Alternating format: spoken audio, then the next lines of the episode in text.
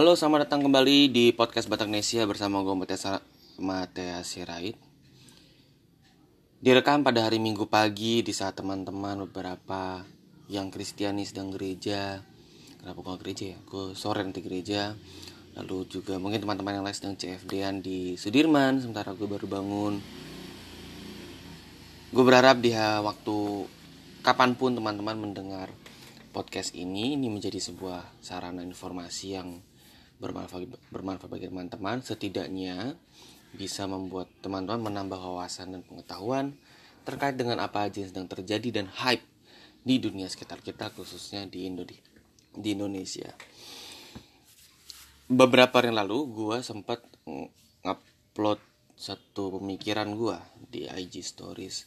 Ini sempat rame terkait dengan reklamasi Jakarta. Gue tahu beberapa orang mungkin udah cukup males untuk membahas ini, tapi entah kenapa ini mengemuka kembali dan ngetrend.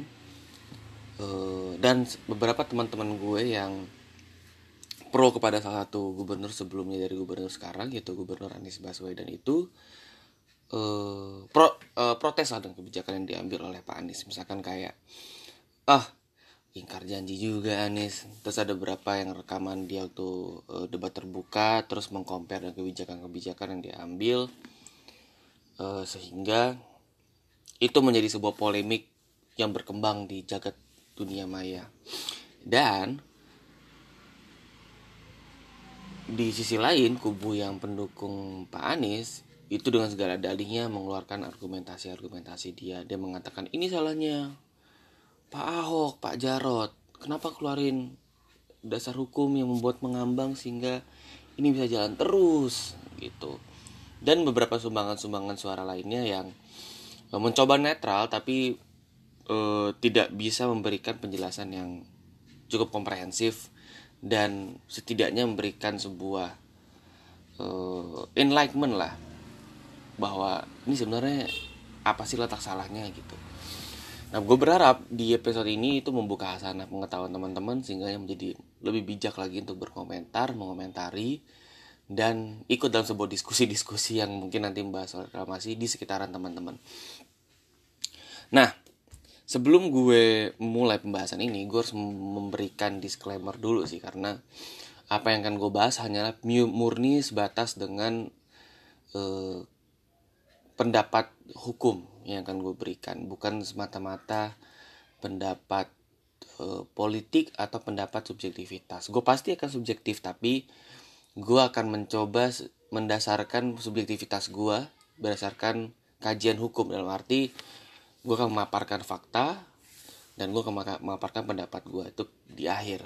Tapi untuk yang awal-awal gue akan memaparkan fakta. Dan gue berharap siapa pun yang mendengar ini dalam posisi berpikir jernih. With me or against me I don't care. Tapi setidaknya kalian bisa mengerti bahwa secara hukum pandangan terkait kebijakan reklamasi Jakarta adalah ini. Oke kita mulai uh, reklamasi Jakarta sebenarnya itu proyek yang ada sejak zaman Pak Harto. Uh, dinamakan dulu Jakarta Water Dis Water Defense System. Atau uh, di Bappenas zaman dulu mengatakan Jakarta Defense System. Itu sebetulnya proyek yang muncul uh, demi untuk mengembangkan kawasan di wilayah Jakarta Utara. Fokusnya sebetulnya tidak saja bicara soal pengembangan di Jakarta Utara, tapi untuk juga perluasan wilayah pertahanan. Jadi kalau teman-teman notice, Jakarta Utara adalah ada beberapa base-base wilayah yang di mana instansi pemerintah punya peran besar untuk menjaga wilayah tersebut. Di samping ada e, kawasan tar, apa objek vital nasional yang namanya Pelabuhan Tanjung Priuk. Di situ juga ada Lantamal itu e, kayak istilahnya markas base-nya angkatan laut Nah, kepentingannya dua instansi ini adalah e, untuk Lantamal Angkatan Laut untuk melebarkan e, garis pertahanan sehingga e, penempatan kapal-kapal perang lalu juga fasilitas-fasilitas e, pertahanan udara, e, pertahanan laut itu bisa ditaruh di situ. Dan untuk Tanjung Priok adalah untuk pelebaran uh, wilayah penambahan uh, apa sih namanya kayak uh, wilayah sanggah kapal sehingga kapal-kapal uh, yang bermuatan berat dan masuk klasifikasi yang berat uh, dalam arti uh, gue nggak tahu cuman singkat gue kan kapal rata-rata 25 2500 feet ya. Cuman e, kedalaman Tanjung Priok itu tidak mampu untuk menampung kapal-kapal yang besar. Jadi gini teman-teman logikanya. Ketika ada kapal gede lah misalkan tanker. Terus terus lu ada pelabuhan yang kedangkalannya tuh nggak mampu untuk nampung e, kapal tanker tersebut. Yang logikanya ketika dia paksakan dia bersandar pasti kan miring tuh kapalnya. Ketika itu miring ya jadi nggak efektif lagi e, untuk digunakan bahkan menimbulkan kerusakan-kerusakan. Nah sekarang ini permasalahannya adalah kapal-kapal besar tersebut harus menyewa lagi kapal-kapal kecil-kecil yang akan mengambil muatan-muatannya. Jadi kapal tersebut akan berada di tengah laut, ya tapi menjorok ke, ke pantai Jakarta dan dia akan memanggil kapal-kapal kecil untuk mengambil muatan-muatan dia. Baru dari kapal-kapal kecil tersebut dimasukkan, e, dibawa ke sandaran kapal pelabuhan Tanjung Priok. Nah itu rencana reklamasi itu adalah menambah itu jadi e, wilayah e, pelabuhan Tanjung Priok diperlebar di menuju ke laut sehingga kedalamannya untuk menampung kapal-kapal besar itu bagus. E, profit e, keuntungannya bagi pemerintah adalah ya berarti biaya-biaya yang dikeluarkan itu akan jauh lebih murah sehingga memancing para investor untuk mau lagi mengirimkan barang-barangnya via perkapalan di Indonesia. Sebagaimana kita tahu, isu terbesar di Indonesia kan ada eh, khususnya di Jakarta ya, Pelabuhan Tanjung Priok adalah eh, mahalnya biaya karena lo juga harus torsia bandar eh, untuk biaya eh, sandar dan juga eh, kerjasama dengan pihak ketiga untuk kapal-kapal kecil. Dan yang kedua pasti dwelling time. Nah gue dari segi reklamasi itu membahas yang poin dua itu. Nah dari zaman orde baru itu udah ada guys. Jadi eh, pasti udah sering di omong-omongin lah. Ada Kepres 5295 tentang eh, pengembangan kawasan utara eh, kawasan eh, Jakarta Utara. Um, lalu di muncul dengan ada Perda tahun 8 eh, eh Perda nomor 8 tahun 1995 tentang eh, tata ruang Jakarta yang sebenarnya udah sempat memention mengenai reklamasi. Itu track uh, track track history untuk regulasinya di track dari kebijakan gue singkat gue itu uh, zaman gubernur Pak Suhadi kalau nggak salah. Itu sudah lama banget tuh diinisiasinya dan baru diundangkannya sekarang. Uh, oh sorry di tahun 95 nah uh, kalau lo baca lagi kepresnya itu memang uh, perspektifnya itu beda. Uh, semangat peraturannya beda. Gini gue jelaskan. Jadi uh, pada zaman dulu itu tidak ada namanya otonomi daerah. Sehingga memang kalau ada orang yang dana subang mengatakan kok bisa diatur kepres oh segala macam oh anda nih orba banget. Ya nggak gitu juga. Karena instrumen legal suatu pemerintahan pada zaman itu tidak ada pemisahan yang rigid antara pemisahan otoritas pemerintah pusat dan juga kewenangan pemerintah daerah. Khusus untuk Indonesia sebagai daerah khusus ibu kota, uh, itu sebetulnya ada perda sendiri, cuman um, pada saat itu memang instrumen hukum yang muncul memungkinkan untuk pemerintah pusat untuk masuk dan memberikan peraturan dan pengaturan mengenai kawasan di Jakarta. Gitu dan pada saat itu proyek reklamasi itu adalah proyek nasional. Gitu guys. Cuman yang diberikan tanggung jawab adalah pemerintah DKI Jakarta. Apakah itu salah? Sebenarnya tidak. Adopsi sistem seperti ini pun juga berjalan sampai dengan sekarang. Kalau teman-teman uh, perlu basic pengetahuan infrastruktur khususnya untuk uh, proyek yang namanya uh, kerja sama pemerintah dengan swasta itu pasti setiap kali ada proyek nasional ditunjuk siapa yang penanggung jawabnya. Kalau bahasa undang-undang bahasa bahasa hukumnya bilangnya PJPK penanggung jawab proyek kerjasama. Nah bisa saja untuk penunjukan proyek infrastruktur tersebut yang proyek nasional dihandle pemerintah daerah bisa bisa bahkan sampai adopsi sistem 95 itu pun tetap teruskan sampai sekarang. Berapa proyek-proyek itu dihandle PJPK-nya adalah pemerintah daerah. Nah dalam konteks ini eh, kewenangan untuk mengeluarkan izin di berdasarkan KP tersebut dikeluarkan oleh pemerintah DKI Jakarta sebagai sebagai ketua eh oh sorry sebagai badan eh, pengelola pantai utara. Gue lupa nama namanya apa. Yang namanya ada organ tersendiri di situ. Jadi Kepres itu mengamanatkan ada organ baru eh, di peraturan-peraturan di pusat itu dan badan itulah yang sebenarnya punya wewenang untuk mengeluarkan izin jadi kalau uh, pendapat yang mengatakan bahwa pemerintah DKI mengeluarkan izin berdasarkan kewenangan pemerintah DKI, DKI itu sebetulnya salah besar. Kewenangan pemerintah DKI mengeluarkan izin adalah dalam kapasitas dia sebagai ang, eh, bad, badan itu itu loh. Badan pengelola pantai utara yang mana anggotanya tidak cuma dari DKI. Itu singkat gue ada dari staf Bapenas juga ada Kementerian Keuangan. Eh, dan dikepalai kok nggak salah um, bukan presiden sih ya.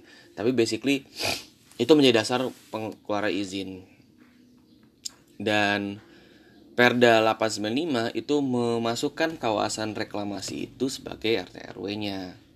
Cuman memang e, saat itu pun karena e, perkembangannya sempat dibubarkan badannya sehingga mau tidak mau kekosongan hukum ini mesti segera di fill up, di fill in lah istilahnya, di, di diisi. Itulah yang menjadi cikal bakal pemerintah DKI maju melakukan kerjasama dengan kawasan swasta untuk melakukan pengembangan-pengembangan. Di pulau-pulau yang sekarang sudah berdiri, itu sebenarnya developmentnya, kalau kita track secara hukum, perjanjian kerjasama itu udah ada dari taman dari tahun sekitaran 95 sampai 97 teman-teman. Jadi eh, perjanjian itu sudah ada. Untuk kawasan perjanjian yang pulau-pulau uh, yang sekarang sudah jadi di luar uh, pulau tersebut itu adalah rezim uh, yang muncul ketika izinnya dikeluarkan oleh pemerintah DKI. Jadi ada dua yang ada dua yang harus kalian uh, mengerti bahwa untuk beberapa pulau khususnya pulau-pulau yang sekarang kalian bisa datangi itu perjanjiannya sudah ada tahun 97 dan untuk yang pulau-pulau setelahnya itu berdasarkan rezim perizinan reklamasi yang keluar pasca Perda 8. Itu sebenarnya. Sehingga uh, secara hukum pemerintah DKI punya kewajiban untuk menaati perjanjian yang sudah ada karena ketika dia tidak menaati perjanjian, maka dia siap dengan sanksi-sanksi yang diatur berdasarkan perjanjian tersebut. Namanya juga kesepakatan. Kalau lo nggak melakukan apa yang janji, lo janjikan, pasti lo akan punya sanksi yang akan dikenakan. Oke, itu logika dari tahun 97-an. Sekarang gue masuk ke logika perizinan. Jadi ketika badan reklamasi itu, eh, badan pengelola Jakarta Pantai Jakarta Utara itu dibubarkan, itu akhirnya pemerintah DKI jalan sendiri Oh, dasar hukumnya apa? Nah, ini nih. dasar hukumnya tidak ada. tidak ada. Jadi sebenarnya gini ada sempat Pepres 102. Uh, itu pun sebenarnya mengatur mengenai uh, siapa mengeluarkan siapa perizinan. Gue lupa terus 2001 kalau nggak salah. Dan tapi permasalahannya adalah um, itu tidak menstate siapa yang mengeluarkan izin. Dia memberikan kriteria untuk seseorang melakukan reklamasi, tapi dia tidak memberikan tidak memberikan uh, siapa yang memberikan izinnya. Nah, di sinilah sebenarnya muncul kekosongan hukumnya. Siapa yang ngeluarin izin, siapa yang ngeluarin enggak. Sementara kita terlalu berfokus kepada uh, pada saat 2016 ketika ini ramai banget wah korupsi segala macam. Eh tunggu dulu. Yang mengeluarkan izin siapa? Ini sebenarnya adalah dua instansi yang bermain di uh, zona abu-abu tafsir-tafsir sendiri. Nah gue tidak menjatuhkan Pak Ahok tapi ya gue harus mengatakan Pak Ahok bermain di zona abu-abunya sendiri. Karena ketika ini kosong siapa yang melakukan izin sebenarnya gubernur terdahulu pun juga bermain hal, melakukan hal yang sama dengan Pak Ahok lakukan. Bermain-main dengan zona abu-abu beberapa izin oleh Pak uh, gubernur sebelum Pak Ahok sebelum Pak Jokowi Pak Fauzi Bowo mengeluarkan izin untuk beberapa wilayah-wilayah uh, tersebut. Izin prinsip lebih tepatnya sebelum dia turun di tahun 2013 dikeluarkan izin untuk Pulau G uh, kalau nggak salah Pulau G yang dikeluarkan. Ada beberapa pulau lagi? Cuman gue lupa. Dan satu salah satu pulau tersebut adalah pulau yang dimiliki oleh perusahaannya keluarga Soeharto. Gitu. Gue nggak mau sebut nama gue nggak mau sebut nama PT karena gue pun juga terikat kerahasiaan dalam bicarakan ini. Nah ketika itu keluar itu pada akhirnya menjadi sebuah presiden dianggap legal yang mana yaudah keluarin aja gitu segala e, daripada kakak nggak nggak jelas-jelas ini proyek sementara kayak dipus-pus terus untuk jalan. Yaudah kita keluarkan. Nah permasalahannya adalah e, bermain di zona abu-abu dengan angga, dengan argumentasi yang yang menurut gue argumentasi yang mentah. Mendasarkan sebuah pengaturan pada Kepres 95 itu pun sebenarnya Kepres itu udah dibatalkan secara hukum dengan keluarnya Perpres 54 tahun 2008. Tapi Perpres itu pun juga mainnya banci. Kenapa? Karena Perpres tersebut membatalkan ketentuan-ketentuan di Kepres 95 tadi juga jelaskan. Kepres 5 eh, Kepres tersebut cuman dia hanya membatalkan yang sifat yang mengatur mengenai tata ruangnya. Sementara kewenangan kewenangan perizinan perizinannya tidak dibatalkan. Yang mana kita kan pun tetap, tetap, tetap, tetap jadi bingung siapa nih yang uh, punya kewenangan. Padahal kan nggak nggak harusnya itu yang diatur yang paling awal gitu loh. Nah ini sebenarnya diisi dengan keluarnya undang-undang nomor 1 2014 dan turunannya mengenai pengelolaan kawasan pesisir dan pulau-pulau kecil itu sebenarnya di state bahwa kewenangan untuk mengeluarkan e, perizinan untuk kawasan yang sifatnya kawasan strategis nasional atau KSN adalah Kementerian Kelautan dan Perikanan. Kalau jadi sebenarnya gini, peraturan tersebut memberikan ke power kepada kementerian tersebut. Jika gue nggak bisa memberikan izin di bawah kawasan strategis nasional, gue memberikan rekomendasi. Itu pun berdasarkan diskresi. Nah inilah yang kalau teman menotis 2016 Pak Ahok dan Pak Bu Susi sempat berdebat karena Bu Susi punya dasar standing berdasarkan ketentuan tersebut. Pak Ahok tetap mendasarkan pada ketentuan itu. Nah bagi gue kesalahan besar Pak Ahok adalah dia tetap stick pada argumentasi tersebut. Dan dia melegalkan hal-hal yang sebenarnya dia secara hukum sudah tidak punya power yang kuat lagi. So sorry ya para Ahokers. Jadi uh, argumentasi Pak Ahok selalu bercycle kepada kontribusi, kontribusi, kontribusi. Dia tidak berani ngomongin siapa ngeluarin izin. Kalau teman notice ya, dia hanya dia hanya memberikan satu dua argumen aja mengenai pemberian izin karena dia tahu sebenarnya itu salah. Dia pun tersandera dengan dengan gubernur-gubernur selanjutnya yang sudah ke kadung memberikan kebijakan-kebijakan yang sudah mengikat. Ya mau nggak mau ya bagi Pak bagi Pak Ahok mungkin dia pikir ya ya udahlah gue terusin keluarin izin reklamasinya, cuman gue butuh kontribusi. Nah, ketika ini turun ke Pak Anies ketika bicara izin ini yang membingungkan bagi Pak Anies bagi yang gue lihat. Gimana caranya untuk membuat uh, pulau-pulau yang ada uh, secara politik bahasa politik itu tidak mengganggu janji dia. Akhirnya muncullah uh, narasi uh, fasilitas umum dan fasilitas publik. Dan uh, ini menjadi satu hal yang begitu besar isunya karena ketika izin reklamasi keluar berarti uh, tanahnya jelas tanahnya apa. Ketika sebelum ini keluar mungkin yang akan jadikan hak milik atau gue nggak tahu mungkin HPL tapi HPL terbatas untuk wilayah-wilayah yang berdasarkan kesepakatan dengan pemerintah DKI untuk untuk fasilitas umum itu HPL sisanya mungkin HGB atau atau SHM gitu. Uh, cuman ini berubah semua ketika uh, Presiden Joko Widodo mengeluarkan sertifikat hak pengelolaan negara atau HPL dibantu dengan pemerintah Pemprov DKI Jakarta Pak Jarod Saiful Hidayat saat itu 2017 um, dengan dasar bahwa it's been it be, it's based on uh, perjanjian. Secara bisnis ketika lo tanah lo kosong dan tidak ada dan sertifikat tidak bisa belum keluar keluar maka pajaknya akan semakin besar. Maka secara hukum yang harus di solve untuk sisi bisnisnya adalah melegalkan sebuah sertifikat sehingga pembangunan bisa jalan. Keluarlah HPL nah secara hukum HPL bisa di atasnya ditimpa dengan HGB maksudnya dia bisa mendirikan sertifikat HGB tapi terbatas. Meskipun memang sebenarnya pengembang rugi ketika lo meletakkan HPL di atas HGB berarti sebenarnya nilai jualnya kaos tersebut tidak begitu besar. Tapi uh, seenggaknya gue dapat cuan lah dari situ dapat duit dari situ. Karena ketika tiba-tiba pemerintah membuat uh, peruntukannya berubah maka mau nggak mau dia harus menuruti itu. Gitu dan akhirnya pun kalau gue lihat kayaknya nggak ada apartemen di situ. Karena ya mau bagaimanapun ngapain gue taruh gue gue nyewa gue beli apartemen tapi HPL serem gitu loh. Itu loh jadi kalau digusur mau dibikin fasilitas umum ya gue yang pusing gitu loh. Nah itu ceritanya. Sehingga keluarlah IMB sekarang.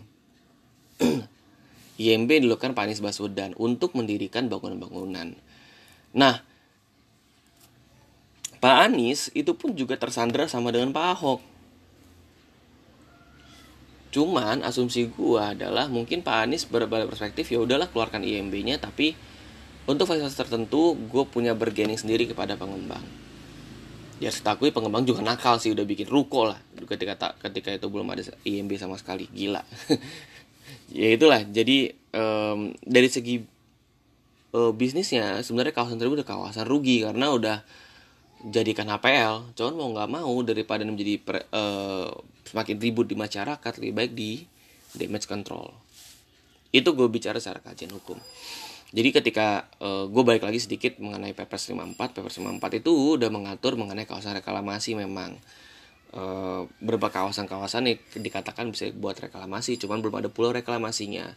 Yang menjadi kontroversi adalah memang Kepres 95 itu tahun 95 itu udah memasukkan kawasan reklamasi di situ dibikin petanya. Tiba hilang beberapa tahun selanjutnya nah gue masuk ke pengaturan di DKI Jakarta. Di DKI Jakarta sendiri itu perdanya belum ketok-ketok. Meskipun di RT RW 1 2000 uh, 2012 atau 2011 ya tentang tata ruang DKI Jakarta itu udah mengatur mengenai kawasan reklamasi. Cuman memang tidak uh, kembali lagi katakan tidak rigid sehingga perlu uh, diamanatkan untuk membuat perda baru. Nah, kekuatan perda ini, andai kata ini keluar, itu sangat powerful untuk memberikan DKI Jakarta ke kemampuan untuk melanjutkan proyek ini secara uh, administratif perizinan. Ketika tidak keluar, maka ini kembali di zona yang abu-abu. Sebetulnya rancangan perda itu uh, bocor-bocoran yang gue tahu itu sebetulnya ada pembahasan yang mana anggota DPR tidak sepakat bahwa izin reklamasi itu diberikan kepada DKI Jakarta. Kenapa? Karena eh, sebenarnya dasar pemberian izin reklamasi itu adalah kewenangan di Kementerian KKP atau Kementerian Ibu Susi. Kenapa? Karena di Perpres 54 2008 Jakarta adalah masuk kawasan Jabodetabek Punjur. Jakarta, Bogor, Depok, Tangerang, eh, Puncak dan Cianjur yang mana dibahasakan amanah PP tersebut merupakan KSN atau kawasan strategi nasional. Balik lagi ke logika kemarin tadi yang yang gue sebut jelaskan pada teman-teman. E, kalau KSN yang luar izin KKP itulah pada posisi di mana anggota DPR tidak mau masukkan izin reklamasi. Nah, pemprov DKI Jakarta punya kepentingan untuk masukkan izin, reklamasi ke dalamnya untuk melegitimasi izin-izin yang mengeluarkan gitu. Gitu loh.